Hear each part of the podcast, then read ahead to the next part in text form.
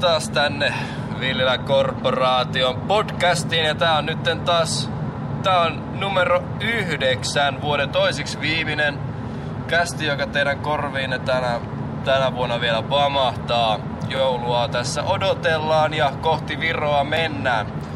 Ja tota, tää on taas tälleen poikkeuksellisesti tehty autossa. Tää podcasti tuntuu, että alkaa tulee enemmän niinku tavaksi kuin poikkeukseksi. Meillä on täällä tänään minun lisäksi, ketä meillä täällä kyydissä on? No Einari löytyy tästä kainalosta ja minun kainalosta löytyy. Petri. Petrin edestä löytyy. Anteeksi, mennään toiseen suuntaan. He, ke- ketä löytyy kuskin paikalta? Täällä löytyy vakiokuski, eli näin sanottu Ralli Heikkarainen. Erikoisvieras. Ja sit meillä on täällä tota, tämmönen ylimääräinen Thompsoni tuossa erikoisvieraana. Kukas hän on? Rakentaja muurari Rintanen, tuttu. Naku Joo, nurkasta. Naku nurkasta. Naku, Naku nurkasta meillä on tänään tää visiteeraamassa tää meidän sen verran, sen verran keskeyttääkseni, että 37 kilometriä humppilaa, eli ollaan kohta sun kotiseutumilla. Joo, Teemu. eli mennään Uppilan lasi ohi, eli sä takana asustelen. Niin. Kyllä, kyllä. se mikä ei tullut vie, vielä sanottua, Mm. niin tämähän on podcast, tai siis joulukalenteri seitsemäs luukku. Seitsemäs luukku. Uh, ja tiedoksi tota, kuulijoille, niin, niin äskettäin testasin tuossa vähän ennen humppilaa olevaa kameraa, niin kyllä siihen satassa saa paukuttaa 80 alueen ilman välähtämäti. Eli tota, ottakaa joulualla vähän rennommin, voitte ajaa kovempaa, kun niinku rajoitukset antaa myöden. Mutta älkää ajako. Se on edes vastuutonta. Niin hävetkää hyi hyi. Niin. No tota, mitäs me tänään sitten puhutaan, koska mä en itse asiassa taaskaan oikein tiedä missä mennään. Mä tiedän, että tänään on, kun me nauhoittaa tätä, niin mä tiedän, että on neljäs päivä joulukuuta, joten sekin on nyt sanottua. Mutta missä tänään mennään? No mä haluaisin ainakin tuoda esille tällaisen, tota, onks, tota, tai ei oteta vielä puheeksi, mutta aiheita voisin heittää. Onko ketään törmännyt tällaiseen Musta joulunimiseen elokuvaan?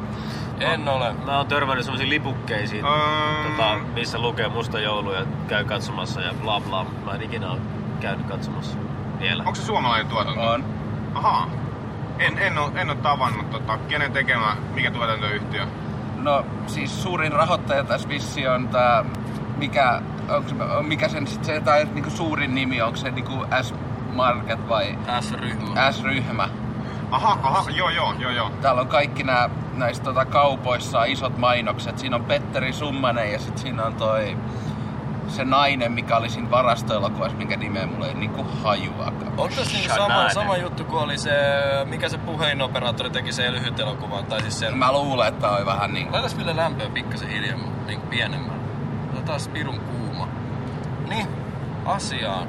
Eli mitä helvettiä? Mistä on kyse? No siis, kuka ei sitä meistä ole kattonut? Mäkin olen sen monta kertaa törmännyt ja pitänyt katsoa, mutta aina kun pääsee himaan asti, niin se unohtaa se asia. Pitäisikö se selvit niin kuin nyt jouluaattoon mennessä vai mikäköhän siinä mahtaa se idea?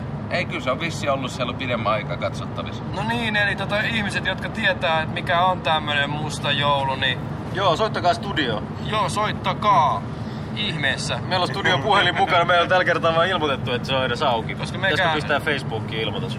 No, pistää ihmeessä, siellä varmaan kuulee meidän kaikki kuulijat tähän aikaan hereillä. Joo, refreshaa Menee aika. oikeisiin töihin. Kyllä, kyllä.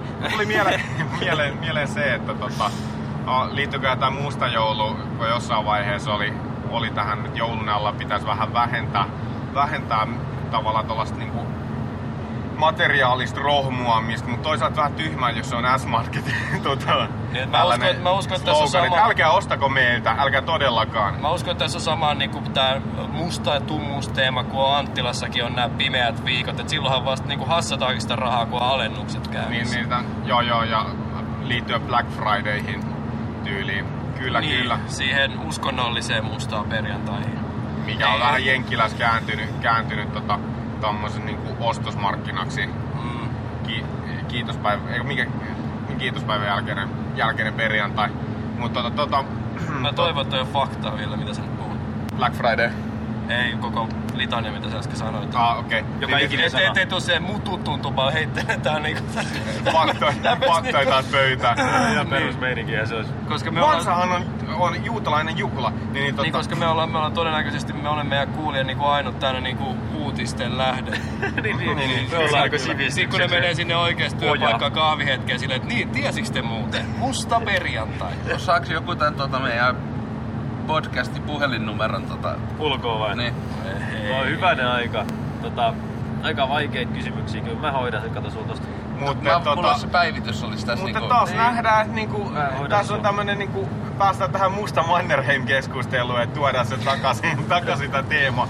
teema. Et totta kai musta, mustahan on niinku kestosuosikki tällainen niinku tyylikäs väritys, niin, niin Se hoikentaa. oikeentaa nätisti, niin sopii myös selkeästi Tässä jouluun. Niin. niin- Vaikka siellä on niinku punainen ja valkoinen on sellaiset. Niin ja musta on yleensä semmonen, mikä saa niinku tehtyä halvemmalla. Nyt mä en viittaa Mannerheimiin nyt suoranaisesti, vaan niinku siihen, että jos se tehdään vaikka niinku musta joulu, niin Viittat sä orjatyövoimaa? Siis siihenkin. Ja sit tota, siis ei vaan lähinnä se, että jos lähdetään tekemään vaikka musta jouluelokuvaa, niin se kuulostaa heti niinku, jos mä olisin tuottaja, mä ajattelin, että okei, mä voin lähteä tekemään tämän, koska te ette tarvi valoja. Niin, niin. Kyllä, Esimerkiksi. Mut siis nyt se on siis todennäköisesti se on lyhyt elokuva, en usko, että on niin... Niin siis kuka jaksaisi katsoa pimeät ruutu Niin. puolitoista tuntia. Kyllä. Niin, niin. Niin. Ja Toisaalta, ja ei se, ei se jos pitkä elokuva, niin, niin voihan se olla semmonen genialainen pitkä elokuva taas että niinku 40 minuuttia pöräytetään. Mä ajattelin, että pöräytetään. sä olisit luetellut sen mulle tähän. Niin. No, Okei, soittakaa myös studionumero 040 040 444 444 71 71 79. 79. sehän tuli stereona sieltä. Siis. Se, on, se oli niin 3D-ääni, ettei oo Että toista. kaikki hitaimmatkin tajuaa, niin voitte toistaa itseksenne vielä sen numero sieltä. kotona. Tarko- tarkoitus on, että te oppisitte sen ulkoa ja voisitte soittaa sen milloin vaan. Kyllä, Niin, ja on jos soitat vaikka nyt kun kuuntelet, että se on myöhäistä, varmaan sieltä ei vastata. Jos vastataan, niin soita ihmeessä, me puhutaan teidän kanssa. Mutta jos ei vastata, jätä vaikka viesti. Pistä Mutta pika- nyt meillä on ilmoitus. Facebookissa, että nyt voi soittaa. Niin oli, joten jos ei nyt ketään soita, niin me ollaan todella niinku ihmeissämme. Niin, niin. Tähän epäsuoraan lähetykseen. Niin. Mutta tota, mitä, suora mitä, muut nauhoitus. maailma, mitä muut maailma tullaan? Nyt tota, eilen julkistettiin posterit ja muut tästä tota, Man of Steel, eli teräsmiehen uudesta elokuvasta, tota, mistä alkoi iso kohu tulemaan. Kohumaan, että sieltä tulee uusi, uusi teräsmies. Ja nyt, nyt ketä osakaan sanoa, keneltä, keneltä yhtiö toi on toi Mehän puhuttiin tästä niinku neloskästistä tästä uudesta teräsmiehestä. Onko siinä on uudessa tota- teräsmiehessä kissan näistä mukana? Toivottavasti. Saanko mä veikata, mukaan. Siis, Berry. joo, kyllähän me puhuttiin, että se on tulossa, tota, Vaikka se mutta on nyt ollut siinä on, tota, äsken. siinä on julkaistu kunnolla toi kästi ja mikä siellä oli. Ää, totta kai siinä oli taas uusi, uusi teräsmies, mutta ei mitenkään niin, Kuka esitti uutta teräsmiestä? Oliko se Anna Hathaway kissanaisen vaatteissa? ei, ei ollut kiss, kissana ennen vetänyt teräsmiehen rooliin. Voi Harmi, paska, sit se olisi ollut hyvä elokuva. niin, olisi, Jos se olisi kuvattu, kyllä te tiedätte. niin ei niin kauhean seksisti. niin, niin, tota, Hyvä. Kiitos Ville. mutta tosiaan, ja Hobbitti tulee 12 päivää, eikö näin jo? Joo. Ja Mä- tulee myös Poriin siinä... High frame rate versiona. Joo, joo, näin. ja sit maailmanloppu tulee kans tässä joulukuussa. Niin siis Ja- ei, se- ei se pubi mikä on Akilassa, vaan Ei. siellä varmaan tulee miehiä niin päivittäin, mutta siis Mm. Todellinen maailmanloppu. Niin, et tota, turha niitä Kiekkoja. joululahjoja on oikeesti ostaa, koska niinku mitä vittua Siis kahdestakin syystä. Materialismi on ihan perseestä. Mm. Mäkin voisin ihan hyvin olla alas tuolla pellolla keskellä pakkasta, jos mä vaan haluaisin. Niin, et rake, talotkin on ihan materialist. Niin on. Niin. Että niinku halutkaa ihmiset enemmän ja lopettakaa ostamasta materiaa. Mutta tota, mutta tosiaan, tosiaan nythän tulee 3D 48 freimiä sekunnissa. Mä, en- mä en ite oo koskaan niinku Taru Sormusten elokuvista digannut sen. Se on Taru Sormusten herra-elokuvista. No siis mä tiedän noin paljon siis tästä elokuvasaakasta, että se nimikin Taru menee Sormusten elokuva. Et tota, toi... Tai siis mä haluan mennä katsomaan sen Hobbitin vaan sen tekniikan takia. Ja tota, mä oon kattonut, kun tuolla on toi... Uh, YouTubessa on tullut tätä making offia, Journey of Hobbit, Hobbit tota, niin, niin tota, siellä on mielenkiintoista ollut nähdä, miten isolla, tota, isolla myllyllä sitä tehdään, niin, tavallaan sitä kautta olisi siisti mennä katsomaan. Se vaikka se niinku leffana kiinnostaa mua, ei, ei tippaakaan. Eli nyt tota, periaatteessa tämä elokuva ei voi pettää sinua, koska sä menet pelkästään katsomaan sitä tekniikan takia ja sä et odota tekniikaltakaan mitään muuta kuin näkeväsi uutta. Eli se on väkisinkin niin todella hyvä katselukokemus ja Niin. elokuva. Niin, niin eikö siis musta tota jännä, tiedät sä, ennen, siis kun mä aloin no, tota, opiskelemaan elokuva-alaa, niin kova juttu oli, että saatiin nimenomaan 24 freimiä se video pyörimään, mikä oli niinku silloin 25 freimistä interleisattua kuvaa. Että se oli niinku filmimän näköistä se tavara. Niin oli aina, aina tota, vedettävä kuva progressiiviseksi ja tiputettu frame rateen. Mut nyt mennään niinku korkeammaksi. Tulee tota, eihän se ole interleisattu kuva, vaan se on niinku 48 eli tuplanopeudella ää, pyörivää reaalikuvaa. Niin, progressiivista kuvaa, joo. Sitten tota, että tässä tulee varsinainen tilkkutäkki tästä ohjelmasta. Ja hypätään takaisin Taru Sormusten herrasta. Mehän vielä katsottiin se tiivistettynä kahteen minuuttiin silloin. Milloin? Koko trilogia. Silloin tota, noin se ensimmäinen Taru Sormusten herrasta. Ja katsottiin kahteen minuuttiin tiivistettynä. Voi olla. Milloin tämmönen tapahtunut? No en mä muista päivää. Elo, elo, Mikä kävelevä elokuvateatterissa, kalenteri on, Tyypit mutta- sammuu alkuteksti aikana heräsi viimeiseen kahteen minuuttiin. Mulla on tota, tämmönen hyvä ystävä irtopää John Sodehead. Joskus aikoinaan Vallilassa oltiin turha humalassa. Niin, niin se oli kommandosta leikannut kaksiminuuttisen koosteen, missä oli kaikki parhaimmat Arskan lausahdukset. Ja tota, sitten mä en muista mikä näyttelijä on se pääpahis, mi, mi, minkä replat oli hyvin tällaisia homosävytteisiä, kun niitä huuteli tavallaan toisella korvalla. Niin, niin tota, niin tosiaan, tosiaan, mutta siinä oli sitten kuitenkin... Täällä on kun vähän liian kylmä jo. Mitä? Täällä on Nyt vähän on liian liian kylmä. Sä et osaa valita oikeet lämpötilaa. No, se aikaisemmin. Se ei ollut kyllä niinku, se ei ollut tommonen tiiviste, tai me katsottiin se pikakelauksella se. Ah, niin joo joo. Siinä ei tosiaan niinku äänetkään kuulunut, että se on niin. niin, niin. Niin, se Mut siinä oli sit melkein, siinä taisi olla enemmänkin frameja sekunnissa, mitä tota, tässä toi tulevassa elokuvassa. Joo, oliko se nyt niin paha? Tarkoittaako se, että kun siinä on enemmän frameja, että se on niinku lyhyempi elokuva kestoa?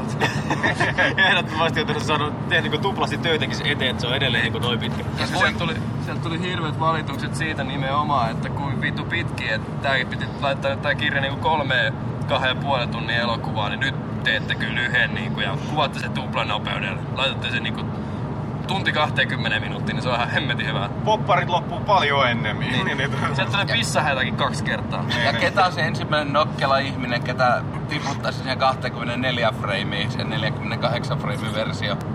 No varmaan joku niinku näistä niinku elokuvateattereista, jotka ei vaan pysty pyörittämään sitä. Niin, Neljä- Ei vaan, siis mä tarkoitan se, siis siitähän, mutta sillä lailla, että tota, se, ne hidastuu ne kaikki liikkeet sillä niinku tosi Niin. paljon. Mikä tämmönen hauska insight, insight tässä on, että tota, nämä Finkinothan nykyään kaikki digitaalisia. Ne mainostaa, Älä viitti. Digitaalisin, äh, tota, tai Vasta jotain digitaalista kauneutta, whatever, mitä sieltä tulee, nämä ekat planssit, planssit niin, niin tuli, tuli vaan tosta mieleen, mieleen sellainen hauskuus, että tota, tämmöistä inside-tietoa, että jouduttiin vaihtamaan noita päivittämään tykkejä aika iso rahalla, isolla rahalla, tota, että saatiin tätä Hobbit-elokuvaa varten. Ja tota, nyt kun miettii, niin, niin ä, Avatarhan aiotaan ampua 60 freimiä sekunnissa. Et siinä taas tulee tämmönen uusi askel, askel tota, kohti huomista, mikä joudutaan sitten taas päivittämään. Kohti huono puhumista. Et onko tässä nyt se, että käytännössä niinku isot elokuvateollisuudet, toiset niinku tyypit, tuotantoyhtiöt alkaa painostamaan elokuvateattereita hankkii tämmöistä kalustoa, koska ne haluaa itse, että sen, se on niiden mielestä teknisesti paremman näköistä se, että siinä on niinku enemmän frameja ja sitten koska Niin. ne päivitetään ja joudutaan hankkimaan uutta kalustoa, niin sitten elokuvateatterit ja levittäjät alkaa olla sitä mieltä, että kaikki pitää tehdä sillä ja sitten kohta ollaan taas niinku siinä tilanteessa, että 24 freimiä, niin se on niinku videoharrastajien touhu. Niin, niin. No mut siis mä en tosta lähde vielä tohon junaan, mutta siis se mikä ne kahta elokuvaa myös yhdistää on se, että ne molemmat kuvattu 3 d ja tästä Hobbitista on myös sanottu, että se tekee 3 d paljon paremman näköiseksi enemmän lifelikeiksi kuin katsoisi ulos ikkunasta todellisuuteen. Niistä on niinku markkinoitu. Et, ja en mä tiedä sit millaiset ei 3D-elokuvat, että totta kai niihinkin ruvetaan jossain vaiheessa lyömään tuota high frame ratea ihan vaan sen takia, koska siitä tulee tosi poppi juttu, mutta onko sekin sitten semmoinen yhtä ohimenevä ilmiö kuin 3D ylipäänsä? Mutta siis mu- musta tuntuu, että toi on niinku tosi vieroksuttava kokemus niinku meidän katsomaan se. Se on tosi mielenkiintoista meidän katsomaan ja huomata niin se, että koska se vai lakkaako se häiritsemästä. Niin, että tottuuko siihen se, kun katsoo niinku omaa elämäänsä, niin silleen... kun elämä ei olekaan enää 3D eikä high frame rate. Niin, niin tota, et, et onko se vaan parempi? koska siis kyllähän noit, luulisin, että noi tyypit nyt tietää jotain, mitä ne puhuu. Tai niinku, että ei nyt läpän lähde tekemään tollasta. Ei toi rahan juttuja lähde tekemään ilman, että on ajateltu. Niin. Mutta toi mikä, mikä tota, mä oon nähnyt vaan sampleja, totta kai mä en ole pystynyt katsomaan sitä tota, ää, niin kuin näyttöpäätteeltä tota, high framea, mutta mä oon nähnyt sampleja niin, että on ollut tota, pysäytyskuvia tota, pätkistä, missä tota, ollut paljon liikettä ja se on high frameilla kuvattu. Niin, niin siinä on ollut se tavallaan, kun aina kun ihmiset liikkuu, liikkuu kankaalla, niin niistä jää semmoinen niin kuin, ikään kuin motion blur niin, niin tota, reunoille ja näin. Niin, niin sitä ei ollut niinku lainkaan. Niin, niin tota, se mikä oli mun mielestä jännä katsoa, että se on niinku niin sarppia koko ajan se kuva. Että tota, mä mietin, että kun yleensäkin 3D tulee sellainen tyyli pää kipeäksi, että niinku edesauttaako sitä epilepsiaa enemmän. Niin, niin, En tiedä, mutta sepä se juttu siinä onkin, että saadaan siitä enemmän oikean oloista, koska siellä ei ole sitä motion blurria, siellä on enemmän frameja välissä, joka tekee siitä liikkeestä puhtaan. niin, niin, kyllä, kyllä. Sehän se koko ajatus siinä on, että se olisi koko ajan terävää ja kuin elämä, et, et, mutta se ei sitten elämäkö ole sillä silmäkkäänä koko ajan terävästi. Sa- sanotaanko näin, että onkohan toi niinku animaattoreiden ja jälkitöis, jälkitöihmisten niinku seitsemäs helvetti niinku se. Vai märkä uni? Niin, et kumpi se on? Enemmän, enemmän frameja, enemmän terävyyttä, vähemmän tilaa virheille käytännössä. Mutta Se eikö tää, joku vielä semmonen niinku tosi vääristynyt märkä uni. Niin. mut eikö tää nyt se yksi tapa, mistä tota, muutama jakso sitten puhuttiin, että tässä on, niinku, tehdään elokuvat sinne teatteriin. Mm. Tähän on Siis nyt taas sitä- yksi askel niinku, Ja sitä- sinne päin taas. Sen takia tätä myös tehdään. No. Et siis se on kyllä ihan totta, niinku, et koska siis, että sä pääset kokemaan tämän niinku, varmaan ainoastaan nimenomaan elokuvateatterissa tämän niinku, kokemuksen, niinku, että et 3D vitusta frameja, niin tota, niinku, et, niinku sitä varten joo. Mut tarvii mennä katsomaan ennen kuin pystyy. Mä en vaan, niinku, mä en vaan osaa ymmärtää sitä. Niin todellakin, todellakin. Sitten voi niinku verrastaa, kun on nähnyt selkeästi Jurassic Parkikin vielä, että kumpi Joo. niistä oli oikeasti parempi 3 d Ja sitten tarvii se Titanic pyytää uudelleen esitettäväksi, koska mä haluan nähdä senkin 3D. Onko te, onko te tiennyt muuten, tota, että anamorfinen linssit, eli että saatiin totta tehtyä 2-3 viisuhdanteen kuva, niin oli aikoinaan tota, tällainen juttu, millä haluttiin erottaa elokuva televisiosta.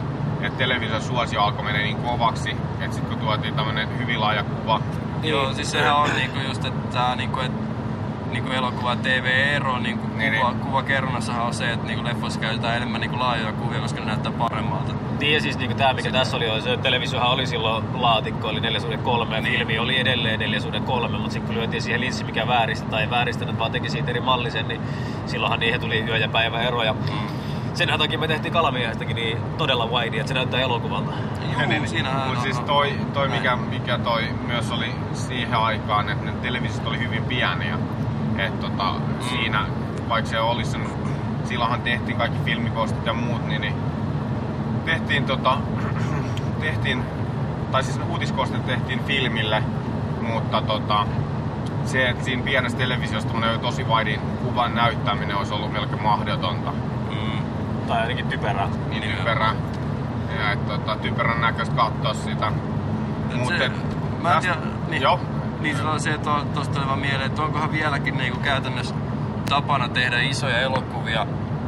Tai mä, mä en tiedä, mikä kuinka iso prosentti vielä on niin kuvaputkitelkkareita tai tämmöisiä, joissa on käytännössä 4 suhde 3 kuvasuhde olemassa. Et otetaanko sitä vielä huomioon esimerkiksi kuvan kompositioissa niin sitä tiedost, tiedostamatta tai tiedostetusti se, että esimerkiksi sun naama tai kuva on rajattu sille, että se toimii myös telkkareissa koska siitähän joskus niin kuin on ollut silleen niin kuin puhetta, että siinä pidetään käytännössä näkymättömät turvarajat siinä, että se, että se toimii myös telkkarissa se kuva. Ainakin Jenkeissä tosi pitkään ton 16 suhde 9 kuvan kanssa oli, oli näin, että ne oli tuplarajaukset. Joo. Eli rajaukset 4 suhde 3 ja 16 9.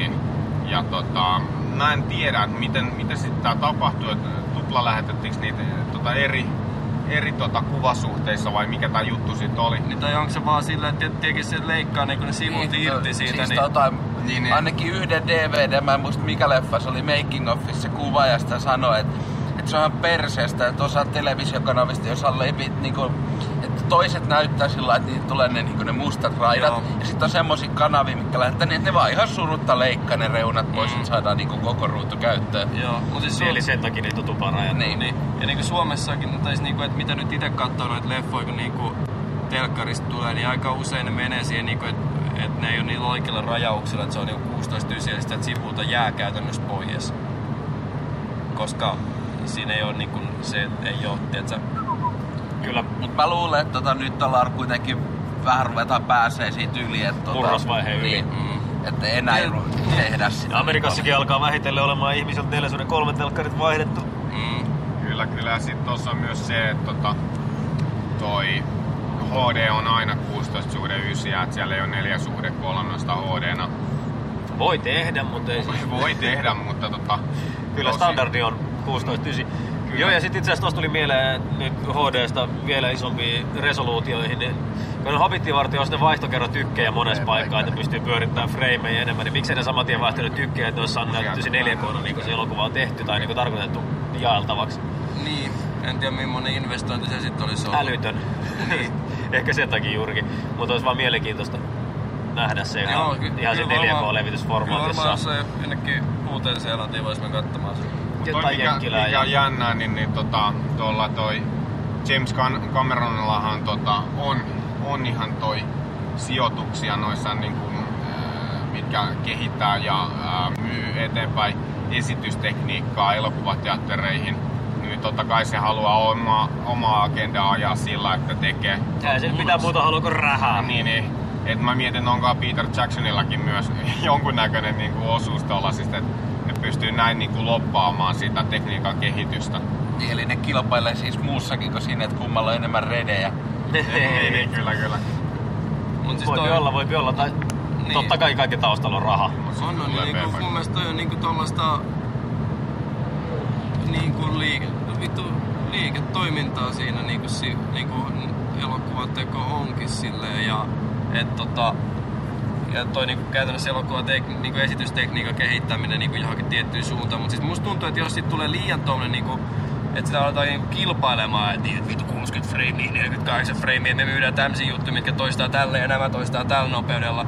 Et jos sitten tulee tämmöinen niinku Sony Canon tai niin siis Nikon Canon niinku kilpailuhässäkkä sille niinku näin sovi yhteen millään. Että sitten tulee tämmöisiä niinku isoja yrityksiä, että toisissa leffateattereissa ne toimii ja toisissa nämä ei toimi, että toiset ostaa näitä, toiset näitä. Niin sitten mennään mun mielestä vähän väärään suuntaan, koska kyllä mun mielestä niinku elokuva pitäisi silti olla jollain tavalla Sisältöpainotteinen. universaali. Joo, ja universaali, mutta siis mä en näe, tai siis eihän tos ongelma ei tule tossa, koska sit se tekniikka, mitä se toistetaan, niin jos se toistaa 60 freimiä, niin se toistaa myös 48, että niinku periaatteessa meille ei sitten tehdä jotain tietynlaista niinku Niin, laitetta, mikä on just yksilöity sille tietylle tuotteelle, sit se olisi ihan hanurista.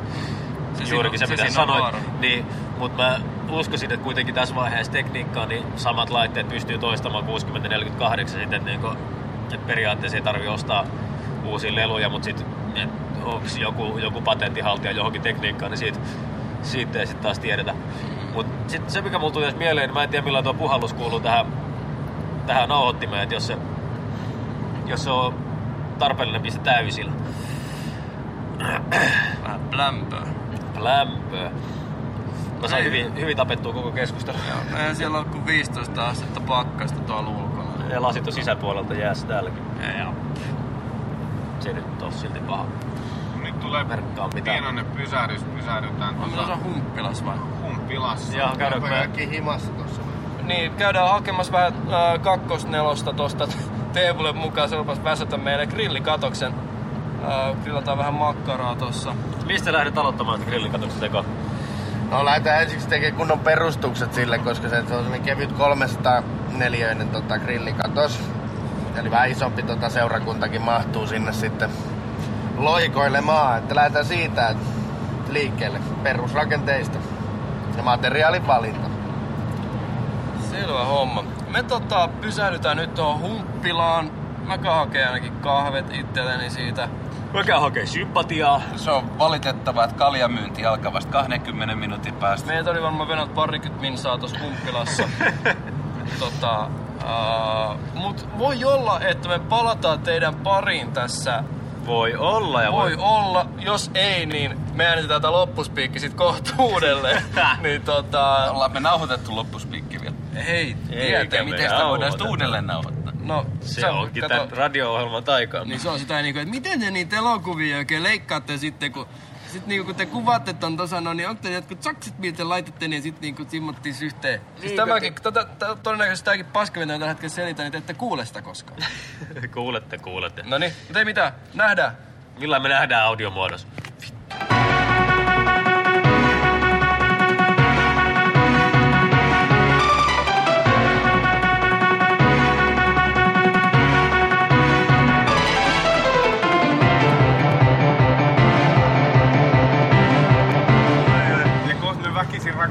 Toisiamme tää. Niin, Todellakin. niin. Joo. Joo, asiasta eteenpäin, puhdistukseen takaisin. Niin, Eikä se nyt eteenpäin, se on taaksepäin jo. niin, niin kumminkin tota, hittolainen, se pitäisi kyllä katsoa uudelleen, koska mulle ei jäänyt siitä mikään niinku semmonen nimenomaan semmonen voittajafiilis siitä elokuvasta. Nimenomaan Oscar-voittajafiilis. Et tota, en mä tiedä ketä muita siellä mahtaa kilpailemassa niistä niinku näistä trofyistä, mutta et, No nyt sitä on ainakin ennakolta tota, sanottu, että ei tule menestymään, menestymään tota, Oscareissa tää puhdistuselokuva. Se on se- Siellä on sen verran kovin kilpailijoita kuulemma. Se on aika uutta kuitenkin Suomen niin elokuvateollisuudelle, ettei menestytä kuitenkaan siellä Oscar-kilpailussa. Onhan, onhan tässä lähivuosinakin aika hyvin menestynyt toi. Monta Oscaria tullut Suomeen silleen vai? Häh? Monta Oscaria tullut Suomeen silleen. Ei vaan siis Oscarin ehdokkuuksia. Kato, kun sehän menee sitten eteenpäin, milloin tulee ne kolme Niin, niin, niin. niin. Oscarin ehdokkuuden, niin ne onhan päässyt Kaurismäki Niin, mutta takapenkillä puhuttiin nimenomaan Oskareista ja ehdokkuuksista. Niin, Niin, niin, niin, ei kato niin, pidetä kyllä, minä kyllä. muuta kuin niitä sit miehen muotoisia patsaita. No on Niin, Suomi sellainen vähän niinku vammainen pikkuveli niinku elokuvateollisuudessa sillä, että se nyt otetaan mukaan sille ihan läpää. Niin, niin. Niin, niin, joo joo. Sit niinku, sitä ei saa loukata. niin sille niinku, että Sitä pitää rakastaa. nimenomaan, että tota, vaikka kuinka tekisi kipeä. Niin. Ei, ei, ei silleen, mulla olisi mitään niinku, oi vittu. Ai ai mikä oja. Kauhea kuoppa. Et siis se on kyllä kumma, kun niinku tälleen puhuu ja niinku te ette näe mua ja mä en näe teitä ja mä en tiedä ketä tätä kuuntelee, niin sit mä voin ihan hyvin niinku loukata vaikka kuinka monta ihmistä tässä niinku viiden minuutin aikana. Ja sit niinku mielipiteet on niinku pitkälti tehty sen ensimmäisen kuuntelukerran perusteella. Niin toivottavasti tätä podcastia kuuntelevat ihmiset, jotka ei ole koskaan tavannut mua.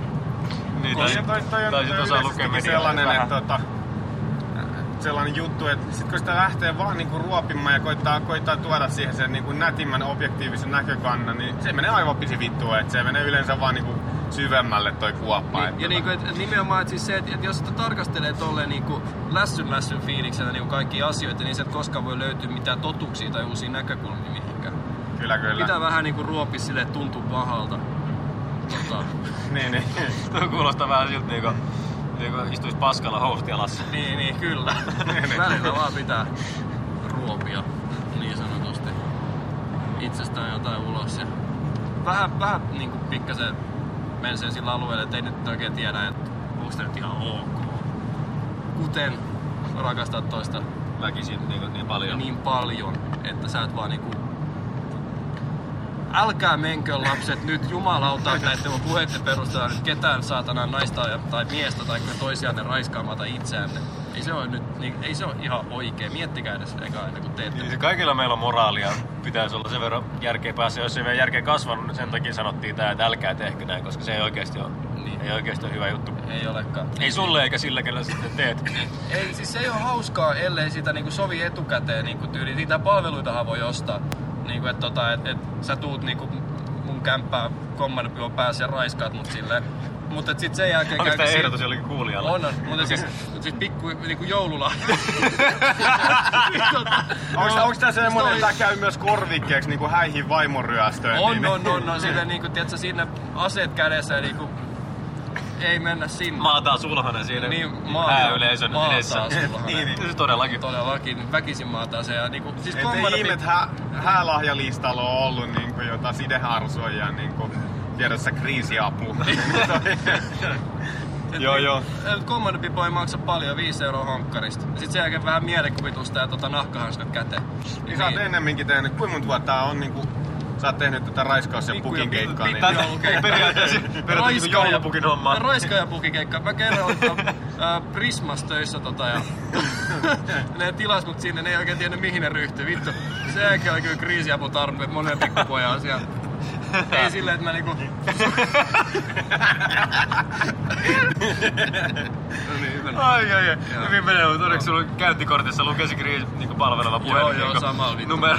Mä, mä ajattelin, mä olisin vienyt tätä jotain keskustelua ja takaisin ehkä elokuvia ja muutenkin tähän niin meidän Älä nyt podcastiin. voidaan niinku- jatkaa tässä niinku, öö, mitä tää aasisilta vaan jatkukaan niinku Tää menee tosi keikasta. Tää menee tosi hyvin. Tämmöiseen mun Michael Jackson tyylisen niinku moonwalkiin. Niin, niin tota, ää, tota, tota, mun tuli mieleen tässä, että öö, jo, milloin se on? Onko se helmikuussa vai tammikuussa, kun Jussit jaetaan? No Jussit, Jussit. Se Helmikuulla. helmikuussa? Eli, mut kuitenkin sehän, sehän menee, menee Jussit, eli ihan täydellinen tosta vuoden alusta vuoden loppuun oleva, oleva tota, tää kaala, kaala niin tavallaan, ketkä otetaan sisään, niin onko mitään ennakko, ennakkosuosikkeja ollut, että kenelle saattaisi napsahtaa nyt? Ei niitä Jussei sisään. Mä en itse asiassa osaa tuohon niinku vastata, koska mä en nyt on niinku kaikki, tai hirveän monta näitä suomalaisia elokuvia, mitä tänä vuonna tullut, niin, niin käynyt katsomassa. Mä oon käynyt, Silleen, että vähän jäänyt vähille oikeastaan. sä oot käynyt kattoo puhdistuksen, mä oon käynyt kattoo ainakin tie pohjoiseen, ja sit mä oon käynyt kattoo joku muunkin, mutta mä en muista. Se on varmaan tosi hyvin Jussin ehdokkuus sijoilla, kun mä en edes Eikö sä muista käynyt mikä se oli. katsomassa tuon härmä?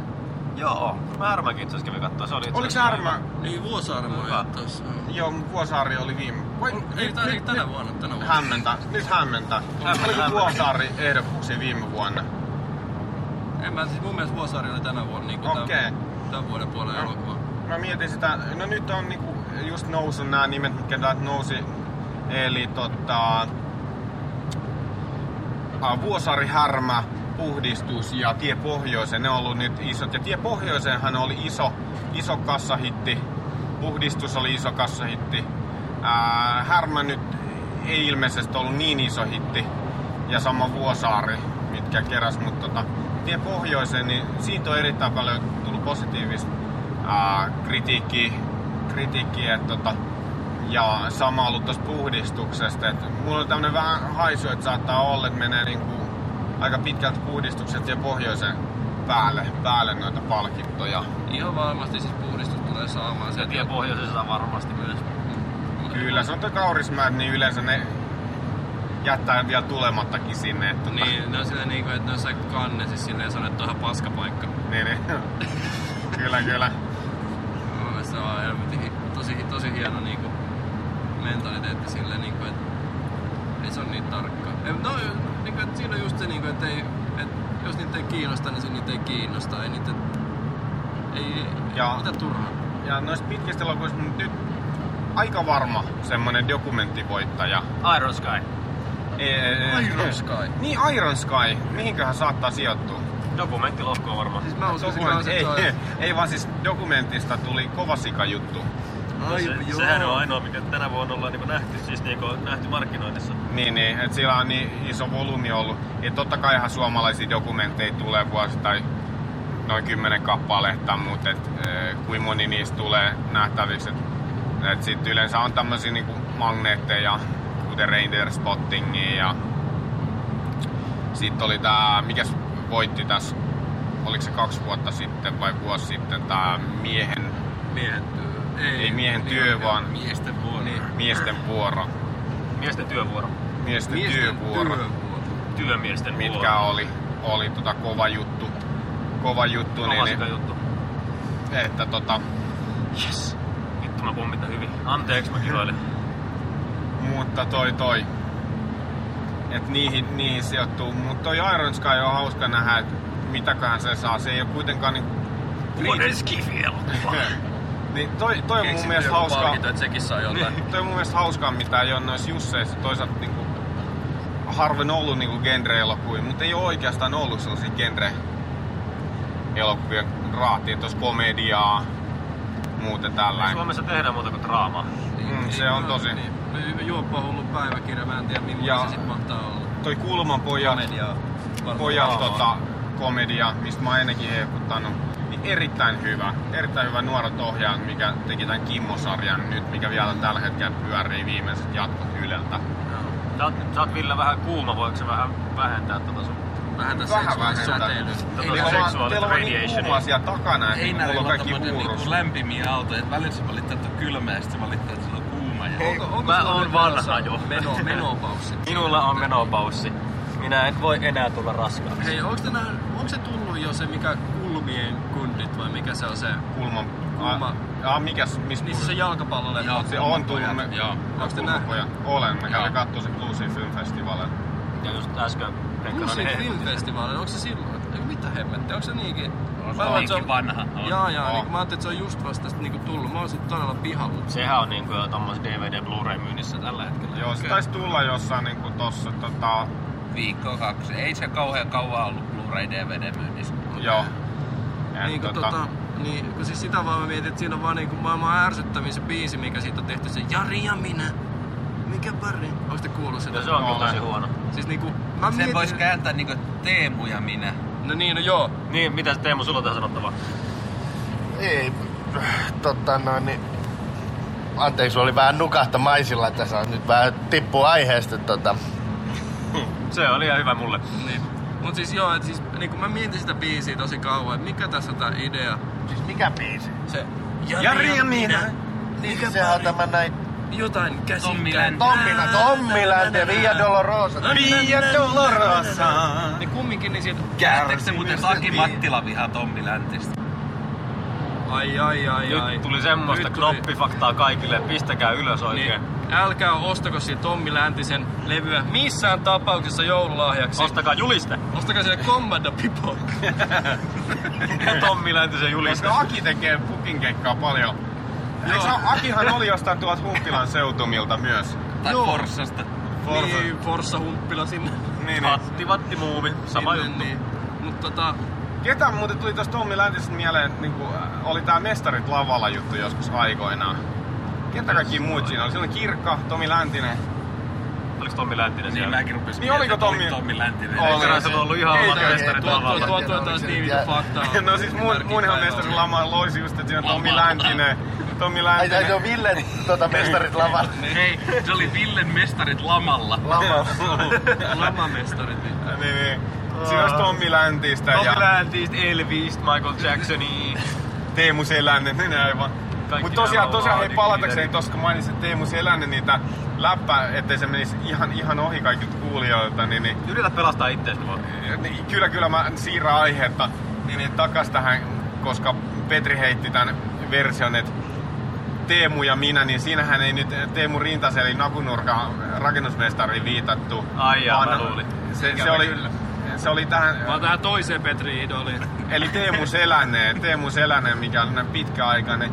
Ja Muistaaks, muistaaks kaikki sen tota, maitomaino, äh, valion maitomainoksen, missä tota, Totta kai Tota, muista. Ketä se nyt unohtaisi? Niin, niin. Kuinka moni on testannut siitä, että miten se liukuu pitkin pöytää se maitolasi No, ja koittanut kätsät sen homman? Se on yllättävän tahmeeseen hankala. baaripöytään verrattuna. Se on tullut varmaan. Ville niin yksinäinen siellä pienen, että kun sä oot laittanut sen toisesta päästä pöytään, tiedät sä lähtöpään, sä et oo kerännyt juokse ottaa sitä Niin, niin. kiinni. Niin Niin, siis se onkin siis se ongelma, että sitä on yksin tosi hankala tehdä ja sit kun kuitenkaan ei ole kavereita, ketä toinen lähettää sitä Niin, toinen niin. niin, Sitten vaan menee maitolaseen niin, koko niin ajan. että se vaan tiputtelee niitä siinä laskijalla. Ei. Ja sitten nyt kun puhutaan tästä Pete Idolista, niin tota noin, niin Äh, tiedätkö Pete, ja faktojakin, kun tässä on tullut pöytään niin paljon Ville suunnilta, niin tota, mä oon tehnyt Teemu Selänteen mailat. Kyllä, Anteeksi, mitä? kyllä, kyllä. Herra Nakulu. Kakkos nelosesta itse tuossa jyrsinne. Niin Teemu se ei ole vieläkään käyttää kakkosnelos puhumaan. Kyllä, kyllä. Niin, niin. Siinähän Se on todettu parhaimmaksi materiaalivaihtoehdoksi. Ja Sen verran, kun saa lapaa taitettua semmoinen niinku kakkosnelonen. Joo, se on tota noin. Se on enemmänkin ringettemailaan muistuttava veli. niin, niin. Tai se on hetken päässä ensimmäisen läpyn jälkeen. Mutta- Ilman, koska se on niin kova jätkä siellä jäällä. kun- Päästäisikö me vielä jotenkin johonkin elokuvaiheeseen? Eikä te mikään elokuva No, podcast. Teemu Selänteistä pitäisi tehdä elokuva. Niin, Jari, tai Litmas- Jari Litmasesta. Ei, kun- Einari. Ei. No, Ei vaan tota... Niin tosiaan Jari Litmanin dokumentti itse asiassa tuli Joku tänä tarttu vuonna. siihen matoon. Tuota, Jari ja minä. Mä, mä en oo nähnyt sitä, sitä vähän kohuttiin tota sitä juttua. Itse asiassa Mä- Teemu Selänteestähän tehdään elokuva. Niin tehdään. Tehdäänkö? Tehdäänkö se Joo, 3D? se, en mä High tiedä. frame mut rate. Siis High toinen five. Se on se, kun Teemu Selänne Steven pelastaa Titanicin. ohjaa sen. Steven Spielberg. Se on dokumenttielokuva. Okei, okei. No se on selkeästi mielenkiintoisempi kuin Jari Litmanen. Mä, mä en oo ite niinku... Ja millä niinku tasolla jääkiekkoilija on mielenkiintoisempi kuin jalkapalloilija? Onko se nimi? Saa No hei. Niin kuin se nimi voisi Miettikää mies, kenellä on niinku samat repliikit, aina se esittelee auto. Ja kato, tässä on semmoinen start launch-nappi, että se heittää nämä kierrokset on niinku 9 tonnia, ja kun päästään tuosta kytkimestä, niin se repäsee heti. Seuraava repliikki. Tää on, katso, tää on ihan karsittu tää Ferrari Novi. Täällä ei ole niinku lainkaan kytkimiä eikä mitään hienouksia. Seuraava repliikki. Joo, kato tuo niinku amiraateissa noi, noi tota, rikkaammat tyypit, sheikin, niin ne ostaa näitä Ferrari moottoreita, ne tekee niistä lasipöydän. Mulla ei itellä ole ihan siihen kynnystä, mutta tota, nää on ne kolme repliikkiä, mitkä voitte tarkistaa vaikka YouTubesta. Mistä Et sä puhut? Teemu, joskus juttuun. Teemu Selänen, Teemu Selänen vakiorepliikit siitä, kun se esittelee YouTubessa Ferrareita. niin, tai Teknarissa esitellyt ajoneuvoksessa, sit Teemun tallissa, kolmes eri ohjelma, samat repliikit. Jumala, että se on harjoitellut niitä. Ja siis se on kirjoittanut ne varmaan itse. Ei vaan silloin ollut käsikirjoittaja. Niin onkin. Sitten Sama on kuin niin- Simpsoneissa. Ne on ollut niin tosi hyvin ne replat, niin mitä sitä hyvää vaihtamaan. Se on vähän niin kuin, että jos on tosi hyvät alushausut, niin ehkä niitä ruvet vaihtamaan joka viikon välein. Nyt kun tästä Teemu Selänestä päästiin, niin katsoks kuka sitä Hans Välimäen ohjelmaa, missä käytiin, käytiin Hans, tot... Hans jossain vitu ruokamatkalla No mä jossain. katsoin senkin YouTubesta. Mä en, mä en kattonut Oliko se, esittelikö se siihen Ferrari lainkaan? No kyllä ne vähän jollain autolla kävi Tässä. Start Mä en- Launch-nappi. se alkoi ensimmäisen. Joo, mitä sä Teemu haluat syödä? Öö, Sheikki tosta Amiraateista näitä moottoreita. Mitä sä haluat Teemu syödä? En mä tiedä, ei kukaan sanonut mulle mitään. Tää on muuten ihan karsittu tää Ferrari Novi. Täällä ei oo mitään hienouksia. Tää on vaan niinku tarkoitettu ihan suora ratakäyttöön. Voi. Kyllä, kyllä, mut No okei, siitä voisi tulla ihan par- paljon parempia dokumenttielokuvia kuin vaikka Se on niinku mielenki- aiheesta. mielenkiintoista, että siihen on kuitenkin otettu J.P. Seelin ohjaama, kuka on kuitenkin tehnyt niinku draama-elokuvaa. mm, Niin, kyllä, niin. kyllä. Niin. Mutta eikö J.P. Seeley oo tehnyt dokumentteja myös? En mä tiedä. Mun mielestä tommoset niinku ristiin tekevät ohjaajat on niinku tosi kyseenalaisia. Millään voi osaa tehdä dokumentteja fiktioon? Aivan käsittämätöntä. Se on niinku, ei se on yhtään sama asia. Ei, se on vähän niinku yhtäkkiä rakastaisi korkokenkiä ja sit väittäisikin, että kumisaappaat on parhaat. Niin. Tai no toi on tarpeeksi hyvä vertaus, vois lopettaa siihen noin vertaukset. Nyt voit lopettaa noin vertaukset. Aika pikkuhiljaa loppuu ideat kesken. Mut siis, uh, ja sit toinen, en mä kerrokaan, no kerron mä silti, mut siis tota, niistä pitäisi tehdä, niistä pitäisi tehdä elokuva. Henkilö, joka sen on tosiaan ansainnut, ehkä jopa TV-sarjan, ehkä jopa kahvimukin. Niin Mika Pasi Myllylä. Nurminen. Pasi. Nurminen. No Mika Myllylä ehdottomasti. Kuka on Pasi Nurmi? Nurminen. niin. Siis sehän on tota, entinen, entinen tota, toi, toi maalivahti nykyinen, onko se MM-joukkueen joukkueen maalivahtivalmentaja? Jumalauta sen jätkäelämässä varmaan ollut draamaa. Mutta luulen. sehän oli mies, ketä teki tän EG Ilmaveivin siitä Granlundin jälkeen. ja pienessä kännissään, kun nousi, nousi tota, lentokoneesta pois. Ai, tämä tyyppi, no vittu, siitähän saisi tehty vaikka millaisen elokuvan. Nyt se on semmoinen viiden sekunnin elokuva. Niin. niin, koska kopsauttaa Pasi. Noin, Pasi. Pasi. Se on Pokemon, se sanoo oman nimensä, kun se kaatuu. Putsi! Ei, mut siis Mika Myllylä, jätkän niinku elämä on niinku ollut yht, saatana vuoristorataa silleen ja ei vielä niinku sai se aika, sanotaanko räjähtävän lopun silleen niinku, et ei se, joo, kaikki jotain tiedä, niin joo, se ei räjähtänyt, vaan niinku, Häh? vaan niinku jotain muuta Mä tapahtui. kuulin, että se on kuollut ja nyt sä sanoit, että se ei räjähtänyt. Mitä se tapahtui? No, siitä ei ole vielä ihan mun mielestä täyttä varmuutta, mitä siinä tapahtuu. Musta tuntuu, että sitä on pikkasen peitelty, että mitä se niinku on. Niin Oliko se koska- sama lääkäri kuin Michael Jacksonilla? Juu, oli. Sillä oli epäonnistunut tota ihon tummennusleikkaus menossa ja tota, nenäoikaisu. Mutta siis kumminkin, niinku, että et jätkä vetää mustikkakeitolle eli dopingin niinku jotain hässäkkää siellä kanssa ja vetää niinku ilman suksia suossa niinku ensinnäkin järjetön ratkaisu. Ja pitkälti varmaan niinku ihan vaan mediatempaus sekin sitten, että en tiedä, kova jätkä, kova, kova tyyppi hiihtää, kuppi maistu. Ja sit kun hiihtoura loppui, niin tota, Kuppi maistuu. kuppi maistui. Niin tota, mun mielestä se olisi niinku sen yksi, äh, niinku Väinämöisen jälkeen Suomen mytologiassa ehkä toinen toisiksi kovin jätkä. Niinku toiseksi suurin mies heti Väinämöisen jälkeen vai? Niin. Kyllä, kyllä. Hei, ja Ehdottomasti. sitten kun noista henkilödokumenteista, niin tulihan, ää, eikö se tänä vuonna tullut myös toi Tarja Halosesta oleva dokumentti? Tuli muuten viime vuonna Rouva Presidentti. Aha, se oli viime vuonna, missä puolitoista tuntia silitti se kissa. Niin. Tarja Halonen Silitti kissaa vai? Silitti sieltä. Se nyt ei Henkkanen ihan sillä lailla mennyt, mutta kyllä siinä kiss, no, Tarja Halosen kissaakin näytettiin. Sanotaan vaikka näin. Mutta tota, Jos tää tulee seitsemäs päivä ulos, niin noista Tarja Tulee Halosen kissoistahan tulee mieleen, mieleen mitä mä olin tota, sen mieltä. Tällainen, tällainen tota, toi Venäjän pääministerihän äh, antoi lahjaksi tuossa vastikään Eli äh, nyt korjatakseen, mi- mitenköhän se nimi mahtaa sanoa, onko se Mendevev vai mikä tämä Venäjän pääministeri? Antoi kissan Tarja Haloselle ja tota, kyseli sitä nimeä, nimeä, mikä kissalle annettakoon, niin, niin mä, mä mietin sitä, että sen Tarja Halosen kissahan pitäisi nimetä sen niinku, tota, näin sanottu niinku entisen kollegan mukaan. Eli se voisi nimetä sen kissan Marakatiksi. Sä oot vittu lukenut jostain. no niin, olenkin. se niin kuulosti sen, että sä muistelit sitä, miten vittu se menikään. milloin se menikään? Se oli niin hyvä juttu. Joo.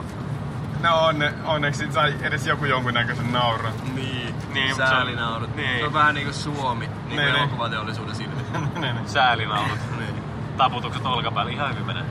Mutta Ihan tota, palataan nyt siihen, mistä podcasti melkein lähti. Alusta. Tää lähti alusta. Kyllä. Melkein alusta. Niin, Kyllä. Lähes melkein alusta ainakin. niin vissiin te kaikki aiotte men katsoa sen Jurassic Hobbitin.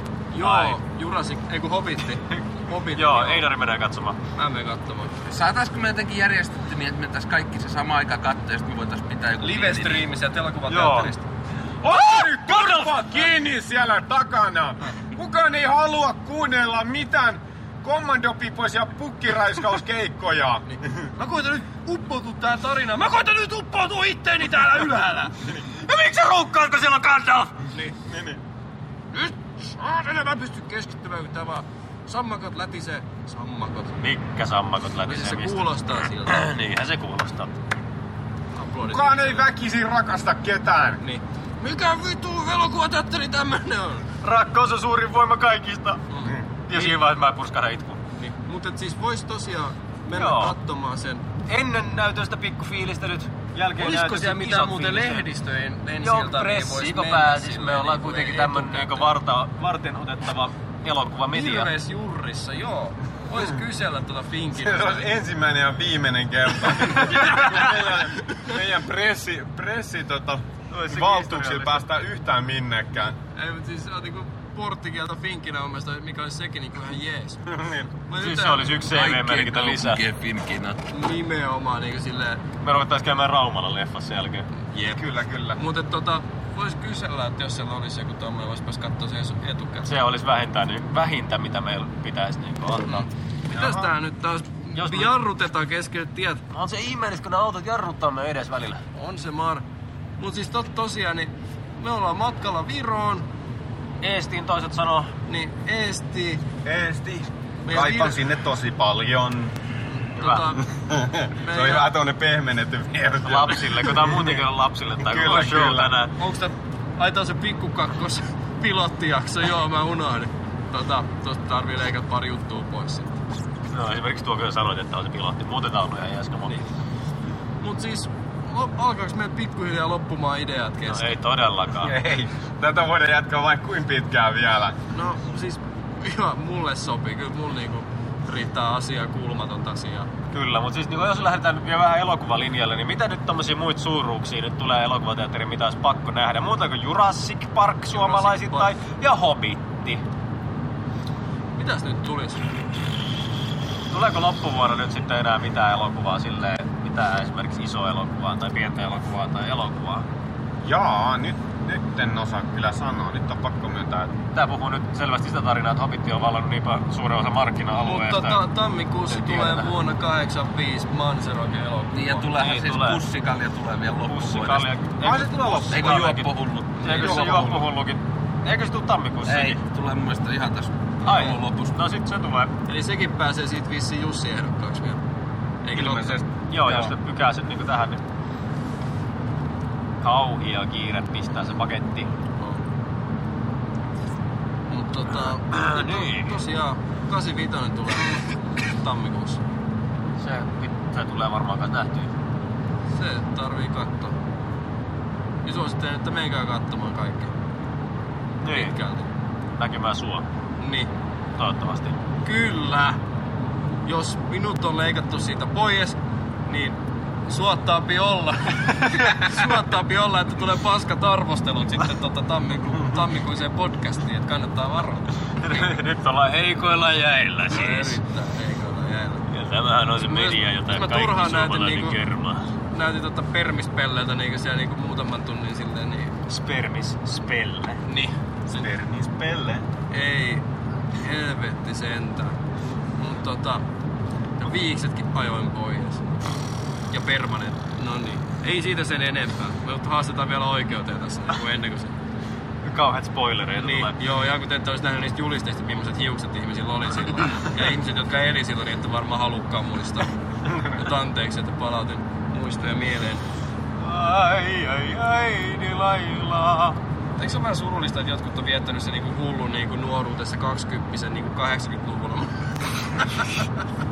Eikö se ole niinku jotenkin, tiedätkö, absurdia? On se vähän väärin. Niin. Niin. niin jos miettii, että joku on saanut elää 70-luvulla hullu nuoruuden ja joku on saanut elää 80-luvulla. 80 ja 90-luku on ollut niinku ehkä semmosia niinku aikoja, jolloin niinku mä, mä, mä, onneksi, niinku, mä en onneksi muista sieltä mitään. Sekin johtuu vaan Tinneristä. Siis se johtui Tinneristä. Tinneristä niinku- siitä, että sä oot syntynyt 99. Niin, siitä mut nukutettiin ja lapsen Tinnerin kanssa. Niin se, se on tota... Meidän äiti käytti Tinneristä, tuli siinä samaan aikaan. Niin, Niin. Ja tässä olisi vielä tää rätti, joo. Ville, ota tos donitsi suuhun ja rätti naamaa. Vittu nukku kun tukki sataan viikon.